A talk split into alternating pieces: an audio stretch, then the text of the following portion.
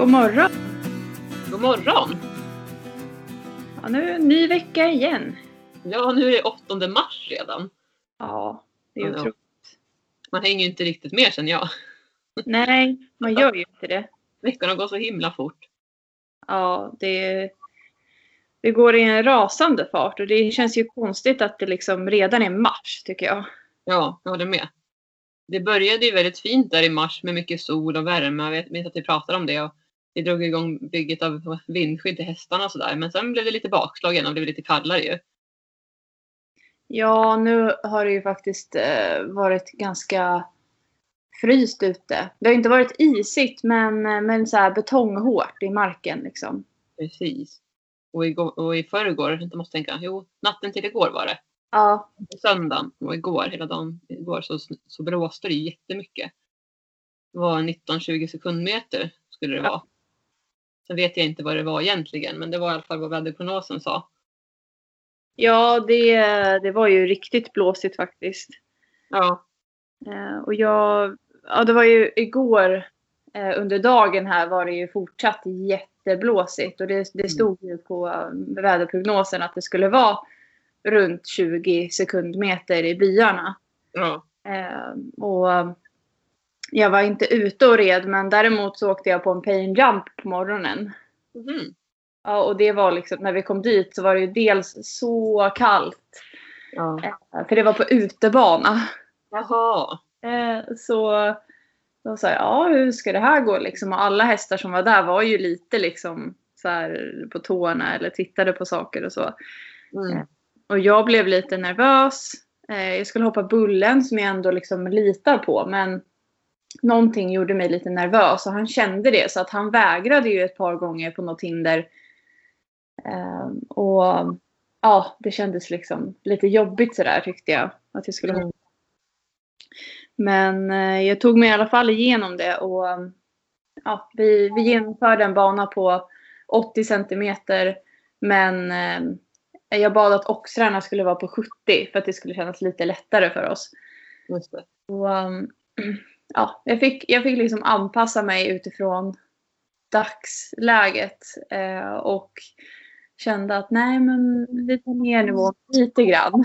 Mm. Um, Så jag hoppade en runda och ja, det, den gick inte helt toppen. Jag för mig jag rev ett hinder. Och eh, då frågade de som höll i det efteråt, vad vill du hoppa igen? Och jag känner hon som, som höll i painjumpen så jag frågade henne, vad tycker du? Mm. Och hon håller ju lite hoppträningar och så, så hon sa, nej jag tycker du ska hoppa igen och ha lite mera galopp. Liksom, se till att få fram galoppen mer och rid på mer. Så då gjorde jag det och då gick det ju toppen. Alltså då flöt allt på och vi gick runt felfritt. Och, ja, men det, det kändes jättebra. Vad roligt. Ja, det var superhärligt och liksom skönt också att man eh, kan hantera sina nerver. Även om man är nervös så kan man liksom ändå ge sig sjutton på att nej men jag ska göra det här. Nu, nu har jag bestämt mig för det här. Jag, jag kan ta ner nivån lite grann men jag ska ändå genomföra det. Mm. Ja, men det tycker jag är jättebra som du säger. Att samtidigt tillåta sig också att ta ner nivån lite. Men ändå genomföra det så att man känner att man lyckas med det som du ändå hade tänkt att du skulle göra från början. Liksom. Ja, Det är jättebra. Och sen också att du fick bra tips där. För ibland så blir man ju lite hemmablind så man kanske inte tänker på alltså vad man kan göra bättre i så fall för att det ska underlätta. Ja Det är bra att någon säger, men gör så här. exakt. Och, och saken är också genom att man driver på hästen så känner ju hästen att då förmedlar man ju mer säkerhet. Som Ja. led- ledare också, då känner ju hästen att den kan lita på en också då.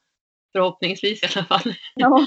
så brukar det vara så liksom att det ena ger ju det andra liksom. Ja.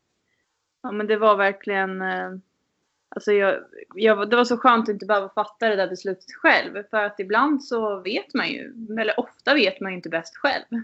Det, det finns någon annan som har bättre, er- mer erfarenhet och då är det bra att fråga någon om råd, tänker jag. Verkligen. Ja. Nej, så det, det var ändå skönt att liksom genomföra vädret till trots och nerverna till trots. Så eh, vi kunde åka därifrån med en jättehärlig känsla. Vad kul. Bra jobbat. Tack så mycket. Ja, men hur har du haft det sen sist vi hördes då? Jo, men jag har varit bra. Som sagt, det har ju varit lite så här nere på grund av vädret, att det var så, blev så kallt igen. Men samtidigt så förstod jag väl det, för jag sa, tror jag sa det tidigare också, avsnitt också, att mars är ju egentligen, tycker jag, en vintermånad. Och det vet jag extra för att jag fyller år då, så det brukar oftast vara snö och kallt och sådär. Mm. Men eh, det kan jag säga, det var lite trist att det blev så. Då, för vi var igång med vindskyddsbygge och sådär och det, det, har väl stått lite stilla av olika anledningar. Inte bara av vädret förstås, men också för att det var mycket annat och så att fokusera på. Eh, men vi jobbade faktiskt lite med det igår, söndagen då när det var storm, men det var lite för kallt så vi kanske höll på max en timme tror jag att det blev. Så vi kom inte så långt. Men jag försöker tänka liksom att, eh, att allting är framsteg, bara man gör lite grann. Och det kan vara ganska skönt tycker jag också. Det är ett tips faktiskt om man har projekt eller saker man ska göra, att göra lite i taget. Så att man inte ser att man måste göra någonting en hel dag utan att man faktiskt kan göra någon timme. För man, det tar ju en också faktiskt framåt. Ja. Så det sa jag också och även till min man som var lite så ja men man ska dra fram grejer och bara för en liten kort stund. Ja men det är bättre det i alla fall än att vi inte gör någonting. Och sen hade vi också hjälp av, eh, av svärfar här som var här igår så då kunde han ta hand om barnen också samtidigt. Då underlättade det lite grann. Så det var väl också därför vi kände att vi ville jobba lite extra då igår. Eller jobba lite med vindskyddet då. då. Eh, så det har vi gjort bland annat och sen så har det varit mycket ridning och träning och ridlektioner och hästskötarkurser också här. Ja. Och ehm, ja, igår när det blåste som sagt då, så, så tränade vi inte hästarna ute någonting utan det fick vara en sån här dag när vi pysslade med hästarna inne i stallet eh, på hästskötarkursen då som vi hade igår, en lektion. Mm. Så det var att borsta och gå igenom hästarna och liksom ja, träna på, på det grundläggande för tjejerna som, som går då, då de är ganska, ganska nybörjare än så länge. Så att eh, ja, det är det som är bra att man kan variera lite grann. Och Abbe fick också vila igår för vi har tränat väldigt mycket nu den här veckan som har varit. Ridit ut och eh, utforskat lite nya ridvägar och ja, men så roliga grejer. Och det har gått väldigt bra.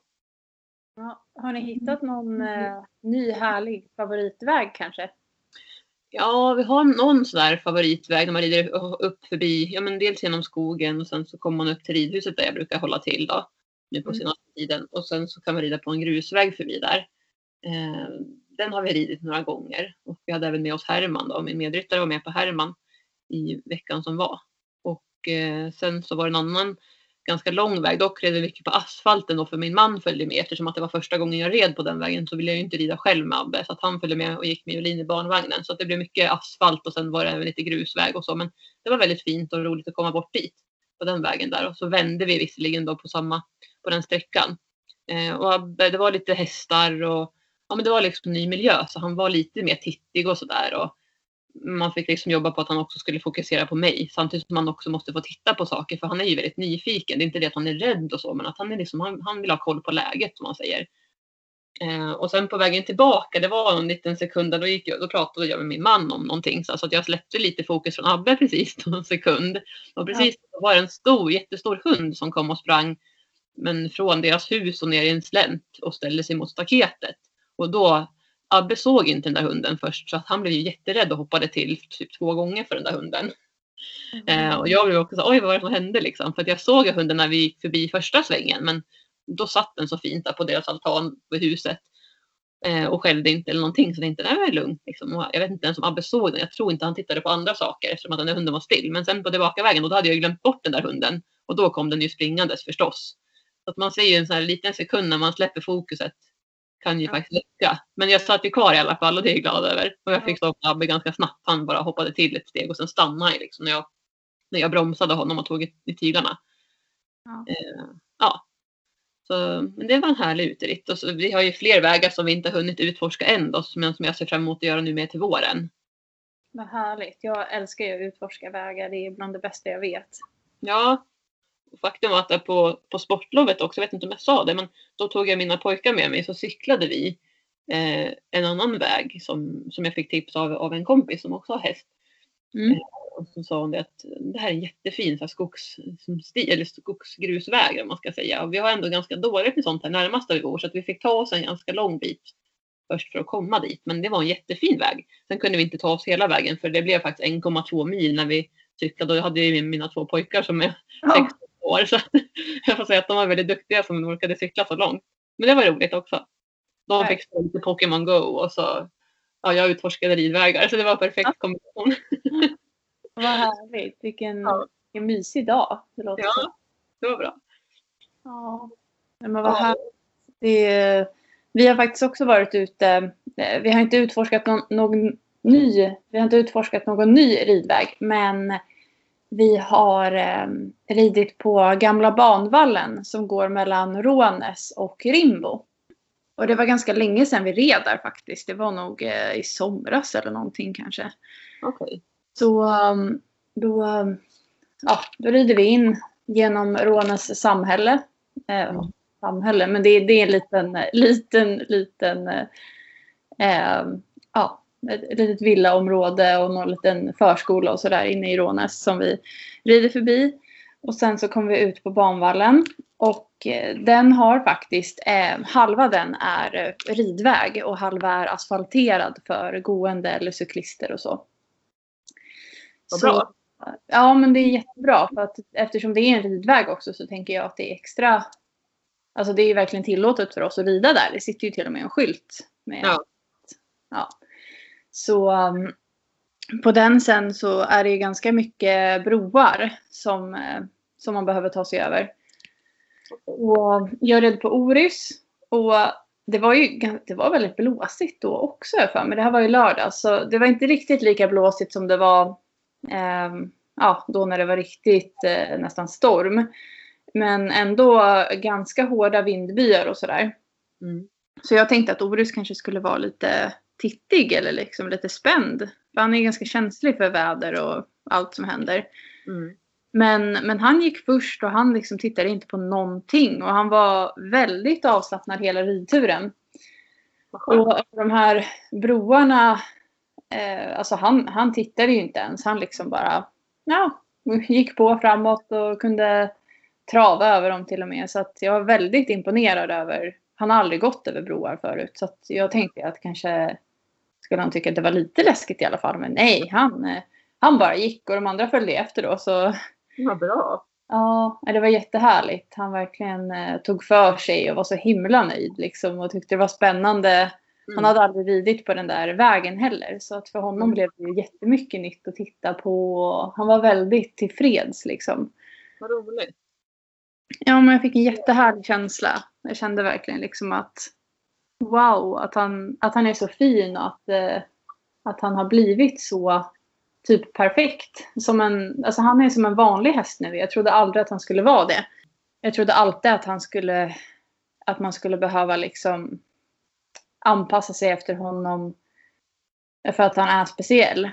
Mm. Eh, men det finns faktiskt oftare och oftare tillfällen då jag känner att jag kan behandla honom typ som en, en vanlig häst. Och då menar jag liksom att jag inte behöver ha massa olika typ ritualer när jag sitter upp eller sånt där som jag har behövt ha tidigare för att han ska känna sig trygg.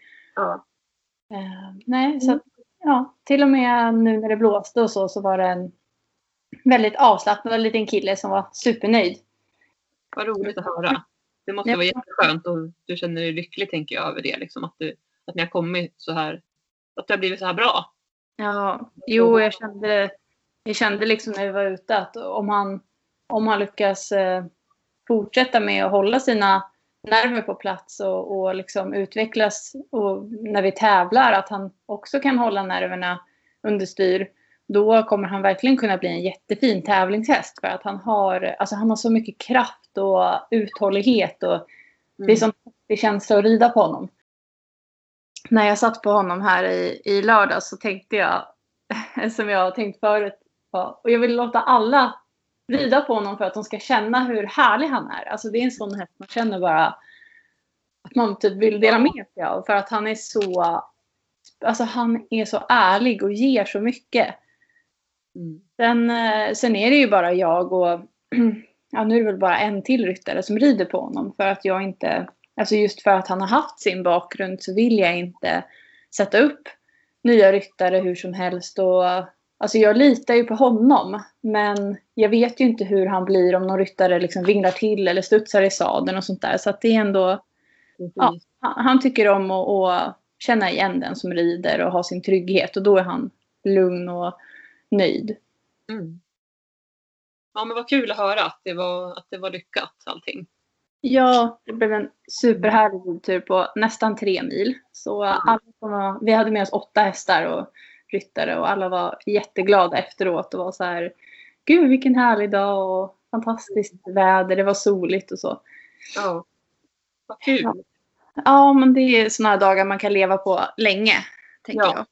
Jag tänkte säga det också att ja, många undrar liksom hur man orkar hålla på och ha häst och med allt som det innebär. Eh, Det är mycket jobbiga och tuffa situationer och liksom mycket tid man lägger ner. Eh, Bara städa och mocka och liksom göra ordning hästarna. Och, men det är ju sådana här stunder som man lever på, alltså bland annat.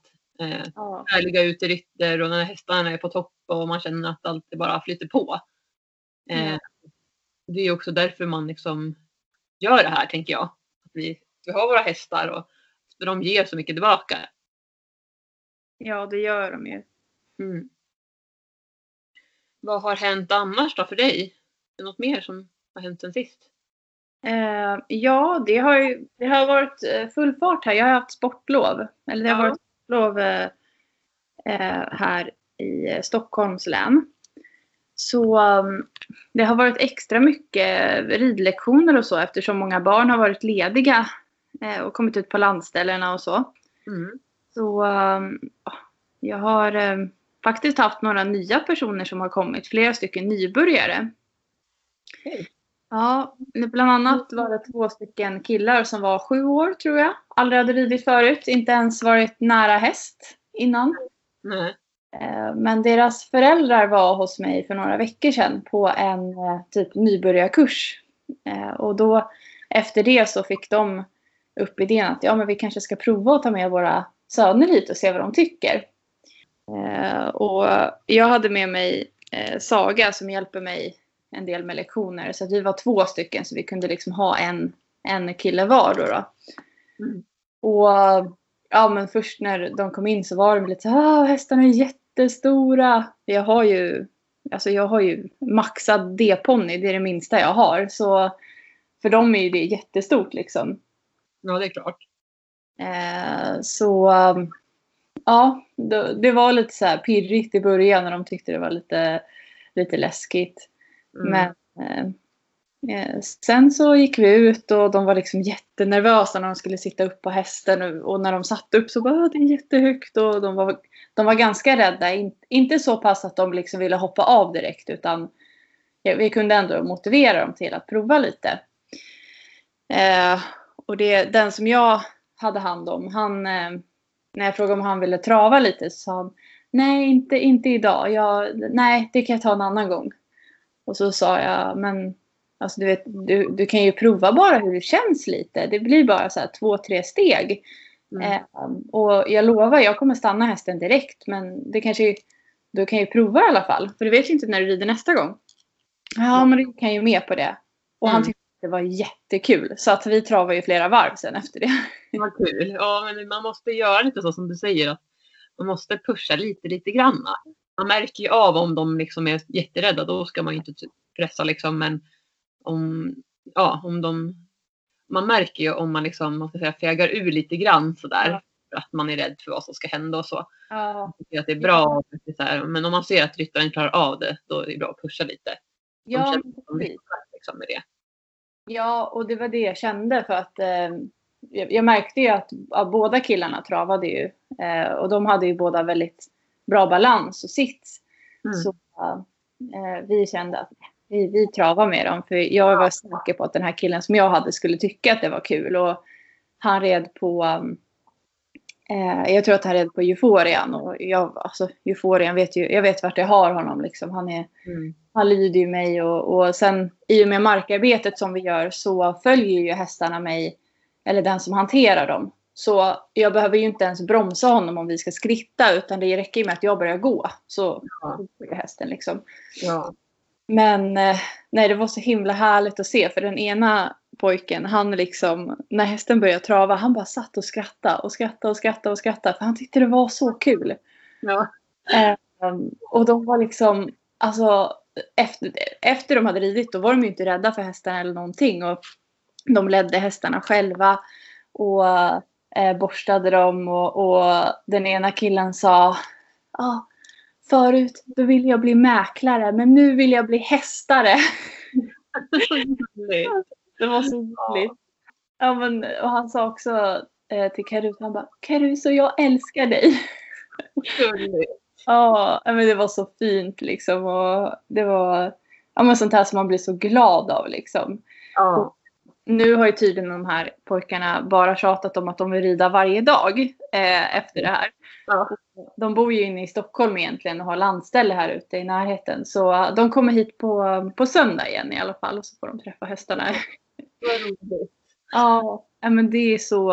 Alltså det är sånt där som jag nästan tycker är det roligaste. Just att få folk mm. att, som kanske är lite osäkra eller inte vet om de verkligen tycker om det här med hästar. Och att man typ kan omvända dem lite. Nästan. Ja, jag håller med dig. Exakt, det är precis det jag också känner med hästskötarkursen och ridlektionerna man har. Att ja. Det är så roligt att se ja, men om de kommer lite rädda och lite försiktiga kanske och så här och de vågar inte riktigt men de vill gärna ser man ändå. Ja. precis som du säger så vänder det till att de tycker att det är jätteroligt. Man bara ser hur de skiner upp och, och de liksom lyckas och klarar av någonting som de först var lite, lite rädda för. Mm. Osäkra över. Det är, ju, det är ju så man växer. Men ja. Man känner igen sig själv också i det där tänker jag. Säkert både du och jag att man vet ju, vet ju själv hur det var när man var, när man var nybörjare eller om man, när man var liten. Ja. Även om jag var väldigt intresserad och var väl inte egentligen rädd så men att oavsett så var det någonting nytt man skulle göra och lära sig utvecklas inom. Det är ju läskigt och, och när man inte känner att man har kontroll och sådär. Ja. Och, ja, jag brukar, det första jag lär mig är ju såklart start och stopp liksom. Men ja. Även ofta med barn så brukar vi börja träna på att styra lite också. Eh, för att barn är så himla lättlärda. Så uh, när de liksom kände att de ändå kunde styra hästen och kontrollera den, då, då släppte ju lite av den här nervositeten. För de bara, men titta jag kan liksom, om jag tar den här tygen så går han åt det här hållet. Och, mm. eh, ja, men det, det är så häftigt, häftigt, att se just det här uh, som du säger, att de, de utvecklas och blir, de växer i det. Ja, och det är ju mycket som till exempel igår när vi hade hästskötarkursen, när vi var inomhus, att det blåste så mycket. Så pratade vi också mycket om det här med att liksom läsa av hästens kroppsspråk. Och det är ju samma sak som man sitter på hästryggen, att hantera de här, de här grundläggande sakerna som att stanna och starta och, och styra. Och liksom, när man känner att man behärskar det någorlunda i alla fall, när man förstår hur man ska göra och att man liksom får hästen att lyssna och göra det som man, har, som man ber den om det är ju så, det är också jätte, alltså man växer ju som person när man, får, när man liksom ser att det funkar och det gör ju också att man blir mer trygg på hästryggen eller tillsammans med hästen i stallet eller var det nu är någonstans. Eh, så vi pratade mycket om det igår också så här med hästens kroppsspråk, verkligen som lyssna in. Vad, vad, vad, vad, är hästen på för humör nu till exempel? Så alla tre var ju, både Herman och Gingis och Abbe var ju på olika humör igår. Gingis stod och sov och Abbe var liksom lyhörd och vaken och var med på vad jag gjorde på stallgången med honom. Och, och Herman, han var också lite så här, flyttade sig lite, lite i början så ville han inte slappna av riktigt där inne, för han brukar oftast få stå, stå på stallgången och inte så ofta i boxen när man borstar. Mm. Så han var mm. lite så här, vad ska hända nu? Och då fick, vi, fick de liksom lära, lära sig att liksom läsa av hästarna. Det tycker jag är en jättestor här, grund, grundsak som man behöver, behöver lära sig så snart som möjligt. Ja. Det skapar trygghet när man kan förstå vad hästen säger. För det upplever jag annars att när, när nybörjare kommer så är det just att de vågar inte stå för nära, de är rädda att bli trampade, de är rädda att hästen ska flytta sig på dem eller bli sparkade eh, och så vidare. Ja. Och, eh, därför är det ju jätteviktigt att förstå hur hästen, alltså vad, vad, säger hästen till dig just nu? Ja. Och tvärtom förstås, vad man förmedlar själv också. Ja, och sen de flesta de brukar ju göra så om hästen typ går framåt när de håller i hästen, då följer ju de med. Ja. Och då är det ju hästen som leder dem. Precis. Så just att de lär sig den här principen att nej men det är du som ska leda hästen och att om hästen går framåt och du inte vill det då får du liksom stanna den. Mm. Det ja, de lyssnar ju på det. Verkligen. Eh, så ja, det är så lätt att utvecklas när man inte kan så mycket. Ja, Jo, sen så fick de också kretsa hovarna och där kan ju framförallt både Herman och Gingis, men mest Gingis skulle jag säga. Han kan ju vara ganska envis och sådär och det är inte alltid han vill lyfta upp hoven. Men det är jätteviktigt att den som hanterar Gingis då är tydlig med sitt kroppsspråk så att man inte tvekar för då känner ju hästen av det. Mm. Eh, och då står ju han kvar. Då utnyttjar han den situationen. Eller han förstår inte vad det är man ber om egentligen. Han känner ett, alltså, en otydlighet i, i ledarskapet och då blir det inte riktigt ledarskap utan då tar ju hästen över. Liksom. Ja. Står han kvar. Så det fick de ju träna på igår och kratsa hovarna och sådär. Och sen fick de ju kratsa hovarna på Abbe och han, är så, han lyfter ju direkt på hoven. Han är ju så otroligt känslig. Eh, och liksom, ja, om, om man liksom drar med handen längs benet så vet ju han vad som är på gång och så lyfter han den för att han är en gentleman som han är. Liksom. Ja. eh, och sen så där med att flytta dem också på stallgången eller i boxen i sidled om man borstar och ska komma runt dem. Jag brukar vara ganska nog med att när de står på stallgången så ska hästen stå rakt mitt på stallgången. De ska stå liksom uppställda. Eh, och eh, till exempel då i, i boxen, där, när Herman stod i boxen och han är inte så van som sagt att borsta sig i boxen för han står oftast på stallgången. Så stod han gärna mot väggen och då fick de ju träna på att flytta Herman Ja. i sidled och sådär och positioneringen var man ska stå för att, för att det ska vara tryggt och säkert.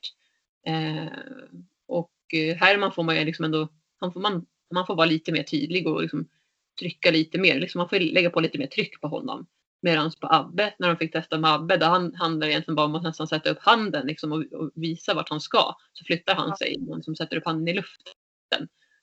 Eh, så behöver man inte ens trycka på. Han kan nästan tycka att det är jobbigt när man är där och, och rör vid honom. För han är så otroligt känslig. Och sen tänker jag också att det har väl mycket från hanteringen att göra. Hur han hanteras i Spanien. Ja. Ehm, Så att de fick ju se skillnaden också. Och det är ju bra att veta det. Och därav så är det så viktigt att man behöver läsa av hästens kroppsspråk för att förstå hur mycket, behöver, hur mycket tryck ska jag lägga på vid olika situationer. Mm. Det är jätteviktigt för en häst som till exempel Bullen, han är väldigt eh, alltså honom behöver man vara, få upp i energi jättemycket om man till exempel ska jobba ifrån marken. Eh, så då kanske man till och med behöver snurra med ledrepet för att han ska backa ibland om han liksom är väldigt avslappnad. Eh, medans Joker, min, eh, min, mitt senaste tillskott, han är extremt lyhörd och känslig. Så om du viftar med repet då blir han rädd eller liksom backar jättesnabbt och tycker oj, oj, hjälp vad, vad läskig du är nu. Mm. Utan honom behöver man ju nästan bara höja handen och peka lite så går han. Mm. Så att de, de är så olika i sina personligheter och det, det brukar jag också försöka att fokusera mycket på när jag har framförallt nybörjare här. Så att de Mm. får lära sig att men, eh, hur, hur mycket behöver du krama om med skänken för att hästen ska gå till exempel. Precis. Det är ofta folk säger liksom, jaha behöver man inte sparka på dem? Jag bara, nej, Nej. det skulle jag inte rekommendera att göra på mina hästar för att de Nej. är känsliga liksom så att det blir inget bra då. Nej. Eh, Det, är ju, det är ju vad man har för, för tidigare erfarenheter liksom. ja, Och vad man, vad man har fått lära sig. Ja, Eh, ja, det är verkligen någonting som jag rekommenderar alla till, liksom, oavsett nybörjare eller inte. Liksom, att eh, vara ännu mer noga med det här och läsa av hästen och hur mycket tryck behöver jag använda mig av. För ofta Mm. tror jag att vi många gånger använder för mycket tryck än vad vi behöver. Framförallt i hanteringen från marken. Med beröring och allting sånt. Och något vi kommer in på det också som slog mig nu. Det är det här med när man berömmer hästen så tycker jag många gånger att man ser många att man verkligen så klappar hästen jättehårt så det bara låter i hela ridhuset. Ja, det är någonting som jag har fått lära mig i västerridningen och med horsemanship att smek hästen istället för den här klappen. Det blir liksom så himla hårt och det blir som ett slag nästan. ja där, det är faktiskt jätteviktigt det du säger för att hästen känner ju när en fluga landar i pälsen. Och om man tänker på det och sen jämför det med om man liksom klappar, verkligen smackar till så här med handen när man klappar. Då Mm. kan ni tänka hur mycket det känns om de kan känna en liten fluga på halsen. Verkligen. Och jag tänker att alltså, skulle jag göra det till exempel på Abbe eller Herman Gingis, de skulle inte se det som ett beröm utan det skulle snarare vara någon typ av dominans eller någonting eller alltså typ som ett slag. Men det är klart att jag kan liksom ibland när man vill förstärka liksom, vad ska man säga, eh, ett beröm, alltså man lägger till ett ord, att man använder rösten och, och eh, tonen så kan jag liksom klappa lite så här med handen, men jag är aldrig så här hårt utan det är liksom lite så här dutta lite med handflatan. Eller ofta så smeker jag liksom så här ett drag. Eh, så det, det är någonting som jag har tagit med mig och som jag, jag skulle aldrig kunna till exempel klappa Abbe hårt så. Nej, Inte från marken skulle jag inte kunna, kanske från ryggen för jag vet inte, det kan ju vara så att de har gjort så men att hon har liksom vant sig men för mig är inte det ett beröm riktigt så. nej, nej, jag håller med. Jag brukar också smeka med handen på halsen istället. Mm. För det blir ju så som du säger, och våra hästar som är tränade att jobbas från marken och lyssna på signaler då vi bara har handen i luften. Mm. Då blir det ju det när vi lägger på handen. Om man liksom går på dem. Då är ju det nästan som du säger. Det är inte ett beröm för dem. Utan det blir en väldigt kraftig hjälp. Mm. Precis. Ja. Ja.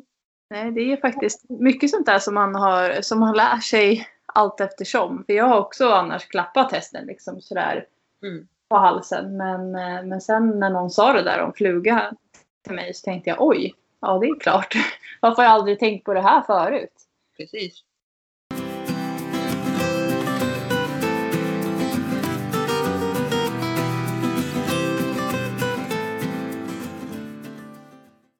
Jag har ju haft eh, sadelutprovaren här också nu i veckan som har varit. Ja, just det. Jag såg det ju på sociala medier. Ja. Hur har det gått? Eh, det har gått, eh, ja men det har gått jättebra. Eh, jag vet inte hur man ska definiera bra och bra men, men alltså det var, in, det var ingen superkatastrof med, med någon häst men jag behövde skifta om sadlar på, um, på ett par stycken. Mm. Um, så um, alltså de hade lite så här, du vet, hon, hon går ju igenom då och känner i hästens kropp om de har några spänningar eller sådär. Och um, då var det väl några hästar som hade typ någon spänning i ländryggen och sådär. Och troligen har det varit för att sadeln då har legat och tryckt lite för långt bak på hästen. Um, så så det, var, det var lite så Ehm, ömhet i ländryggen. Och det var, det var inte något mycket utan liksom bara lite när, man, när hon palperade så kunde man se att de reagerade lite där. Eh, och sen var det väl ja, någon som var lite spänd i bröstmuskulaturen. Jag tror Euforian var det bland annat och han har gått så otroligt mycket tuff dressyr de senaste veckorna så att jag var inte förvånad faktiskt. För att jag har själv känt att han behöver återhämtning och liksom komma ut i skogen och bara göra alltså, lugna, avslappnade, typ mysiga skogsritter. Ja. Så där fick jag lite bekräftat det som jag hade misstänkt att eh, att han faktiskt behöver liksom slappna av, mjukas upp lite i sin dressyrmuskulatur. Liksom. Mm.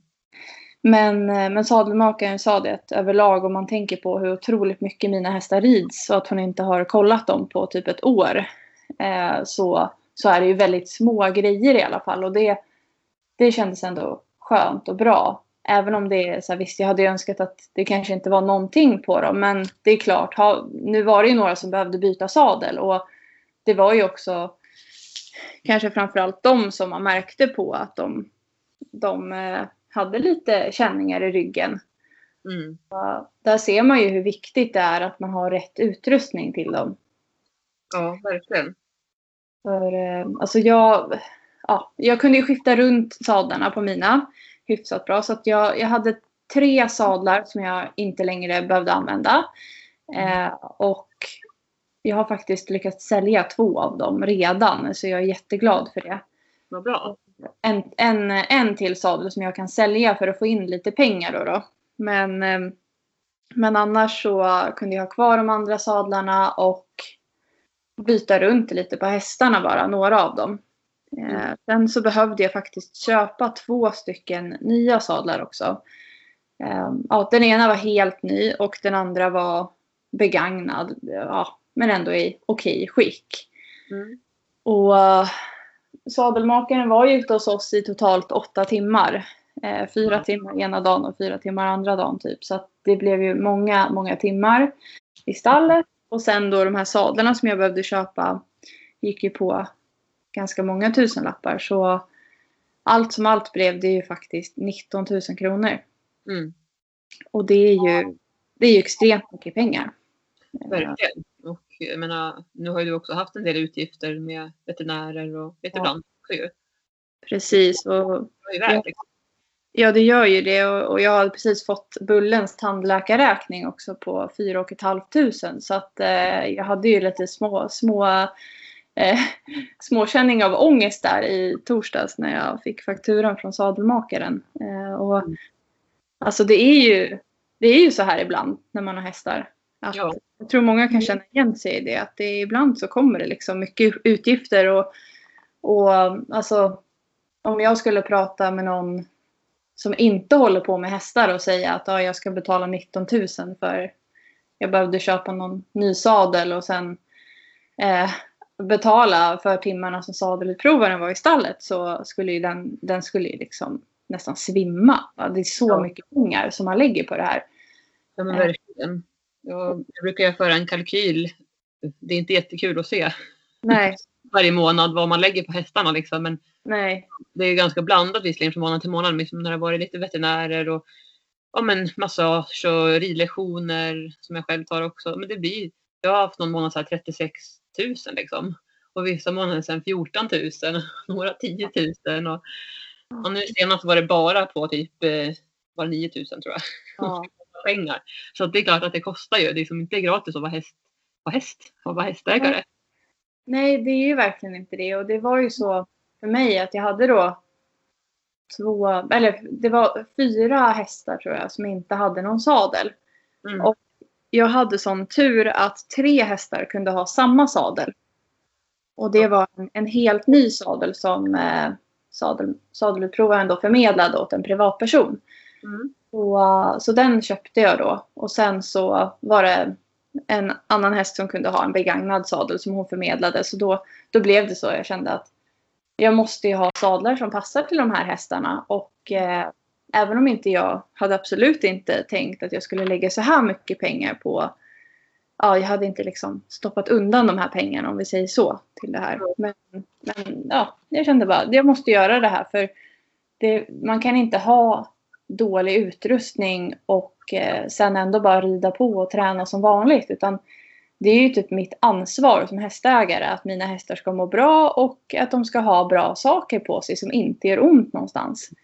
Ja, för ser man också långsiktigt, skulle man ha saker som utrustning som inte passar, då kommer ju det ge skador. Så då får man ju lägga pengar på det sen istället. Liksom.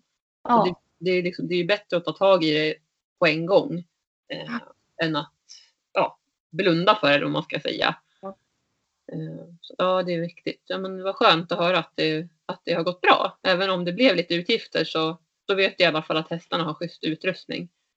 Ja, det känns jätteskönt. Och sen också att jag ändå hade sadlar som jag har lyckats att sälja. Och jag ja. hoppas att jag sälja den, den tredje sadeln också. Så att jag, då får jag in lite pengar i alla fall som jag kan sen betala eh, fakturan för. Mm. Men, eh, nej men alltså det är som sagt det är tufft i vissa perioder och speciellt då om man liksom ja, får eh, som jag fick tandläkarräkningen också. Det var ju länge sedan jag var där men de skickar alltid den fakturan väldigt långt i efterhand. Ja. Och då råkade ju den komma precis samma vecka som det här liksom. Så, eh, ibland, vissa dagar, då är man inte på topp. Men eh, man får bara försöka att göra det bästa av situationen ändå. Nu har jag ändå fått in mycket pengar på lektioner och sånt så nu känns det mycket bättre. Mm. Så det gäller att komma ihåg i de här situationerna att det, det löser sig alltid men det kan kännas väldigt mörkt en stund. Ja. Jo, det är klart att det finns ju roligare saker som man kan lägga pengarna på på ett sätt också. Ja. Men sen tycker jag ändå att det är rätt roligt sådär att ha, ja men sa, alltså köpa sadlar så det är ändå roligt liksom. För det är ändå saker som man använder ju nästan varje dag när man rider och sådär. Så att det är ju inte bara för hästens skull utan det är ju också roligt tycker jag. Ja. Eh, sen, ja, sen är det väl finns det väl nackdelar också med det förstås. Liksom. Jo, men jag, det är en investering. Ja, men precis. Och när jag köpte Abbe till exempel från Spanien så jag fick inte med mig något, något som helst utrustning till honom och definitivt ingen sadel. Eh, dels också för transporter och sådär för att de vill inte hålla på och frakta med utrustning om de kommer bort eller kommer till fel häst och sådär så att de skickar inte med någonting till honom. Så jag tog ut sadelutprovare ganska så tidigt där när jag skulle börja rida honom. Eh, och eh, köpte ju en också begagnad sadel, men den var ändå ganska dyr tyckte jag då. då. Eh, för att vara begagnad och ändå så pass gammal liksom. Det var en fin och välhållen sadel. Dressyr och jätteskön både för mig och också passade jättebra på Abbe. Men däremot nu så börjar han ju bredda sig lite så jag ska, ska vad heter det, lämna in den här sadeln. De kunde komma ut också och ändra bomvidden på den, värma om den. Ja. Så det, ska vi försöka göra här. Det blir ju här nu i vår skulle jag tro att det behövs. Mm. Eh, och sen med Herman nu, han har ju också ändrat sig så att där behöver jag faktiskt kolla upp hans sadel för han har ju blivit, det kan jag säga också, han har blivit så jättepigg och, och glad nu här och har visat mycket energi och sådär. Så det känns som att han kan tillgodose sig maten mycket bättre nu och han får ju lucerngröt och lite blandad eh, fiber och mash och ja, müsli och sådär. Så, och olja också då, så att han har piggat på sig och visat mycket energi. Eh, så han har ju varit på några, haft lite ridlektioner och min medryttare som sagt varit ute på en skrittur i skogen och, och så. så att, eh, men då har vi ridit mycket barbacka, det var det jag skulle säga. Jag har ridit mycket barbacka och med barbacka jord och sånt där. Eh, för att jag behöver kolla hans sadel, kanske också att jag behöver byta. För den, ja. den är väldigt bred så jag kan tänka mig att den har blivit lite för stor för honom. Eh, så att, ja, så det behöver jag kolla upp ganska så när som helst här. Ja. ja men det är ju viktigt att hålla, hålla koll på det där. Alltså för att det, jag har inte förstått det förut. Det, här, det var väl kanske tre år sedan jag började kolla hästarna regelbundet med en sadelutprovare. Mm. Jag hade ganska dålig erfarenhet av alltså att det är ju så, typ vem som helst kan ju kalla sig för sadelutprovare. Det finns ju så speciella utbildningar för det som är jättekorta. Sen mm. finns det ju de som är sadelmakare och verkligen är utbildade inom det. Men, men jag hade mest liksom varit i kontakt med de här som kanske inte riktigt hade koll på läget. Mm. Eh, många så här självutnämnda sadelutprovare kanske man ska kalla dem för. Eh, men då för tre år sedan när jag träffade Maxine från eh, Norrtälje sadelmakeri så liksom förstod jag verkligen hur viktigt det här är. Och jag hade ändå hyfsade sadlar till de flesta, eller de passade hyfsat liksom. Men, eh, men att man liksom har sett resultat under den här tiden och vi tittade på eh, ryggkurvorna. Hon, hon ritar ju alltid av eh, kurvorna på alltså, eh, hästarnas ryggar. Hon ja. har den här flexicurve som man kan forma ut, ut efter hästens rygg. Och så, kan, och så ritar hon dem eh, på ett papper. Och då hade hon ju kvar gamla sådana mallar också från mina hästar. Så vi kunde liksom följa hur de har utvecklats. Och mm. framförallt Bullen eh, och Caruso hade ju blivit eh, mycket skillnad på till det bättre. Mm. Jämfört med hur det var förut. Och, ja, det är liksom härligt att se att det är så, rätt sadel ger resultat. Ja. ja, men gud vad bra. Det var ju verkligen jättesmart och vad bra att, liksom, att hon hade sparat det. Och det, det visar ju ja. på hur seriöst företaget är. Liksom. Det hon är då. Ja, verkligen. Och eftersom vi har eh, ja, jag har haft hjälp av henne så pass länge så jag har ju till och med en egen perm hos henne. Ja. Jag har så många hästar så att hon sa det är lättast att hon bara samlar alla mina hästar i en egen perm. Och för mig funkar det är ju jättebra då för då har vi ju mallarna på alla liksom och kan titta. Eh, behöver inte hålla på och leta efter dem ibland massa andra hästar utan de är liksom samlade och så finns det där att jämföra. Mm. Vad bra. Ja, så att jag kan verkligen eh, tala varmt om sadelutprovning nu. Om man hittar rätt person då. Det ska, det ska vara någon som man blir rekommenderad om man inte själv vet någon som är duktig. Ja. Eh, för att det är, det är så viktigt att det blir rätt liksom.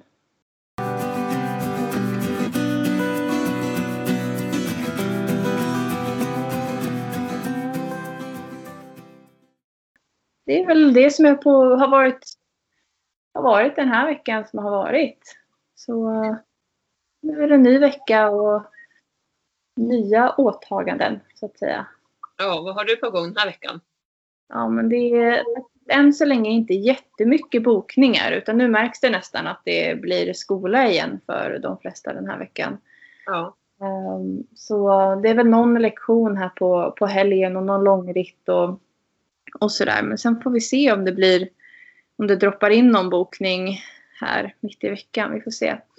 Men jag ska faktiskt också åka på dressyrträning imorgon och på onsdag ska jag på markarbeteslektion för, för en, ja, hon som var på painjumpen. Så det ska bli kul att åka på en sån lektion. Mycket fokus på bommar och, och liksom dressyr och rida rätt vägar. Ja. ja. Det kanske du kan berätta mer om nästa avsnitt då? Ja. Ja hända. Det var spännande. Har du någonting på gång? Ja, det är hästskötarkurser faktiskt både idag, morgon och på onsdag. Eh, ridlektioner, några privatlektioner då. och sen ska vi bygga vindskydd i helgen. Och här nu efter vad jag spelat in podden ska jag ut med Abbe. Vi ska nog ta en promenad genom skogen och upp till ridhuset idag. För nu var det nog någon vecka sedan, kanske lite drygt till och med, som var i ridhuset. Vi har ridit ut som sagt jättemycket och ridit hemma på ridbanan och sådär. Eh, jag red lektion också i lördags glömde jag säga. Ja. Det gick bra. Eh, så nu ska vi upp till ridhuset idag så blir det väl att träna lite på det vi lärde oss i, i lördags helt enkelt. Kortfattat så ska jag lätta mer i sadeln så att jag inte sitter och stör honom så mycket som jag håller på med. Okej. Ja, nej men det är, det är liksom, det gäller att tänka om här nu för mig. Eh, en hel del faktiskt i min ridning. För att göra en lång historia kort. Vi kan komma in på ett annat avsnitt men, men det är mycket att jobba på liksom. Ja. För, för mig själv egentligen. För Abbe han är ju, alltså han är riden ändå ett och ett halvt år innan han kom till mig. Och ja, alltså jag har väl ett helt annat ridsätt egentligen än vad, än vad han har ridit liksom, kan man väl säga. Det låter väldigt så här, kanske brutalt men så, eh, ja, jag har ganska mycket att jobba på själv. Men däremot så känner jag att jag har blivit starkare nu för att jag har ju tränat här, ja det är över en och en halv månad nu i alla fall som jag har hållit igång med träningen och så. Så att jag har blivit mycket starkare. Jag känner verkligen att jag orkar mer. Så jag tränar både styrketräning och en hel del kondition och sådär. Plus att jag får ju vardagsmotionen också med hästarna och sådär när man har lektioner och rider själv och så. Eh, så det, det är i alla fall på, på god väg. För det handlar om att jag måste sträcka på mig mer, jag måste upp ur sadeln. Eh, lätta med mina hjälper så att jag inte sitter och trycker honom över skänken och så vidare, vilket jag lätt gör. Eh, och nu rider jag i dressyrsadel. Vi pratade här om det, du och innan här också. Att jag rider i dressyrsadel och personligen, det är ju väldigt nytt för mig att göra det. Jag har ju ofta ridit roundsadel och hoppsadel men jag känner att det trycks ner mer i en dressyrsadel. Mm. Och då blir det ju svårare tycker jag då att liksom lätta mig ur sadeln. Men det är ju jobbigt att rida. Så det, det är ju så det är och det känns ju ännu mer nu när jag liksom får tänka på att verkligen lätta ännu mer ur sadeln. Ja. Eh, hållning och allting sånt där så att det liksom inte fösa honom åt olika håll. Eh, ja, nej, så det, det är jätte- jätteintressant och man lär sig jättemycket. Och jag sa faktiskt också här till, till eh, min ridlärare där att kan jag kanske rida på Herman vid, vid nästa ridlektion bara för att han känner jag så himla bra och jag tror att det skulle vara lättare för mig med honom faktiskt. Att jag skulle förstå mer vad det är jag håller på med och inte Ja. håller på och inte gör. Än på Abbe då som också behöver mycket mer stöd och att man rider liksom ja, så bra man kan. man ska säga. Han behöver ju liksom stöd och support. Ja. Eh, man inte ger många olika signaler. Så att det tyckte hon var ett bra förslag att jag kan rida på Herman. Så det, ja, det kanske jag gör nästa lektion då som är om tre veckor. Vad härligt att du också har kommit igång med lektioner. Ja, det är jätteroligt. Och jag red ju som sagt lektioner också med Herman då för en annan tjej. Eh, så, så det är jätteroligt att vara tillbaka till träningarna tycker jag också. Att man utvecklar sig så. Annars Mm. så står man ju lite stilla och jag känner att jag behöver ta den hjälpen med Abbe för att komma framåt. Eh, Och förstå vad det är jag gör för fel. För jag vet ju att det är ju inte han. Oftast är det ju, det är sällan det är hästen som gör fel. Om Ja, de inte är väldigt nybörjare själva liksom. Men eh, ja, det är ju det är jag som ger liksom fel signaler med min sits kan man kortfattat säga. Det är därför han liksom drar sig in mot ridbanan och helt plötsligt hamnar snett för att jag hamnar snett i sadeln. ja, Eller liksom ger han fel signaler för att jag använder för många hjälper åt gången till exempel. ja. Eh, och ja, för att förklara lite mer vad jag var inne på. Där så, så, så vad heter jag är mer rider mer som jag har lärt mig på ridskolan. Alltså att, men det tror jag vi har nämnt också tidigare avsnitt om att man leder ut med yttertygen och så. Men här handlar det om att jag ska, han ska ju, jag ska hjälpa honom att hitta sin balans. Eh, och eh, jag kan inte sitta där och liksom leda ut med yttertygen för det ger liksom inte så mycket. Jag måste tänka på hur jag själv sitter. Och Ja. han balanserar upp sig till en början. Sen kommer vi utveckla det vidare sen och så. Men som det är nu så är det liksom jag ska hjälpa honom att hitta balansen. Eh, och därav måste jag också känna in min kropp och förstå vad jag gör för någonting. Vad det är jag signalerar. Och det är, det är ganska nytt ändå för mig att tänka så. För, eh, för mig har det varit så här, typ, ja, men hoppa upp och sätt i sadeln och, och rid ungefär. Tänk på att tryck, tryck ner hälarna och vara rak i ryggen. Alltså mer så. Men det är ju så mycket mer än bara det. Det, det är liksom, ja. Vi får utveckla det här vidare. Nu känner jag att det blir ganska flummigt här men det är svårt att förklara tycker jag på podd så här, vad man menar och innan jag själv också förstår vad jag håller på med exakt så jag förstår, jag förstår vad du menar och det blir ju mera tydligt också när du har en väldigt känslig häst. Som Ja, verkligen. Han är jättekänslig. Så, så att det, och det är viktigt att förstå det att, eh, att liksom hur, jag, hur man sitter i sadeln, det, det förs ju med ner i sadeln och ner i hästens kropp. Så att de känner ju in minsta lilla liksom. De känner in om man inte tar axeln, yttre axeln framåt, så det känner de ju då liksom. Då blir det så här, man må- man måste vara tydlig hela tiden och göra rätt, ge rätt signaler. Och det handlar om kroppskontroll hos en själv. Ja, var en känslig häst. Eh, ja, så det är väl lite kortfattat. ja. ja men det, du får jobba på helt enkelt. Jag ska också göra det här nu när jag tränar också på min sits väldigt mycket. Ja. Så, Ja, och kämpa på med sina olika skavanker man har. ja men verkligen. Det är, ju- man kan ju inte bli bättre annars om man inte, ut, alltså om man, om man inte tar hjälp och utvecklar sig och tränar. Nej, så är det. Man måste ju ta sig framåt och steg för steg och beroende på vad man har för mål så får man ju liksom hitta sin, sin nivå, sin, ja, hur, hur mycket tid liksom det får ta, eller man ska säga. Mm. För mig så får det ju ta tid. Jag, jag, är bara, jag vill ju bara att det ska bli rätt och att, att, att en Abbe ska få en rolig träningsmiljö. Liksom. Att han ska känna att här är, det här är i balans och att det Ja. blir ett ledarskap även från, från ryggen. För från marken där har vi liksom hittat det hela. Där funkar det jättebra. Men just på ryggen så behöver jag bli tydlig. Ja. Ja. Eh, annars är det väl typ fortsätta rida och, och bygga vindskydd och ja, lite blandat. Jag håller på lite planera också för sommarbete här nu. Jag är lite sugen på att släppa hästarna på bete i sommar. Så att Ja. det är lite funderingar och tankar hur man ska lägga upp det på ett bra sätt och på ett så säkert sätt som det går. Ja. Eh, Så det kan vi också berätta lite mer om sen framöver här, hur, hur det går med det. Det Ja. blir ju laga lite staket och planera framöver. Men det blir väl lite längre fram här nu när vädret tillåter tänker jag. ja, precis.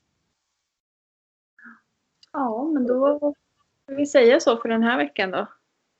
Det gör vi. Alla har en, en fin helg när det här avsnittet släpps. Ja, ha det så bra allihopa.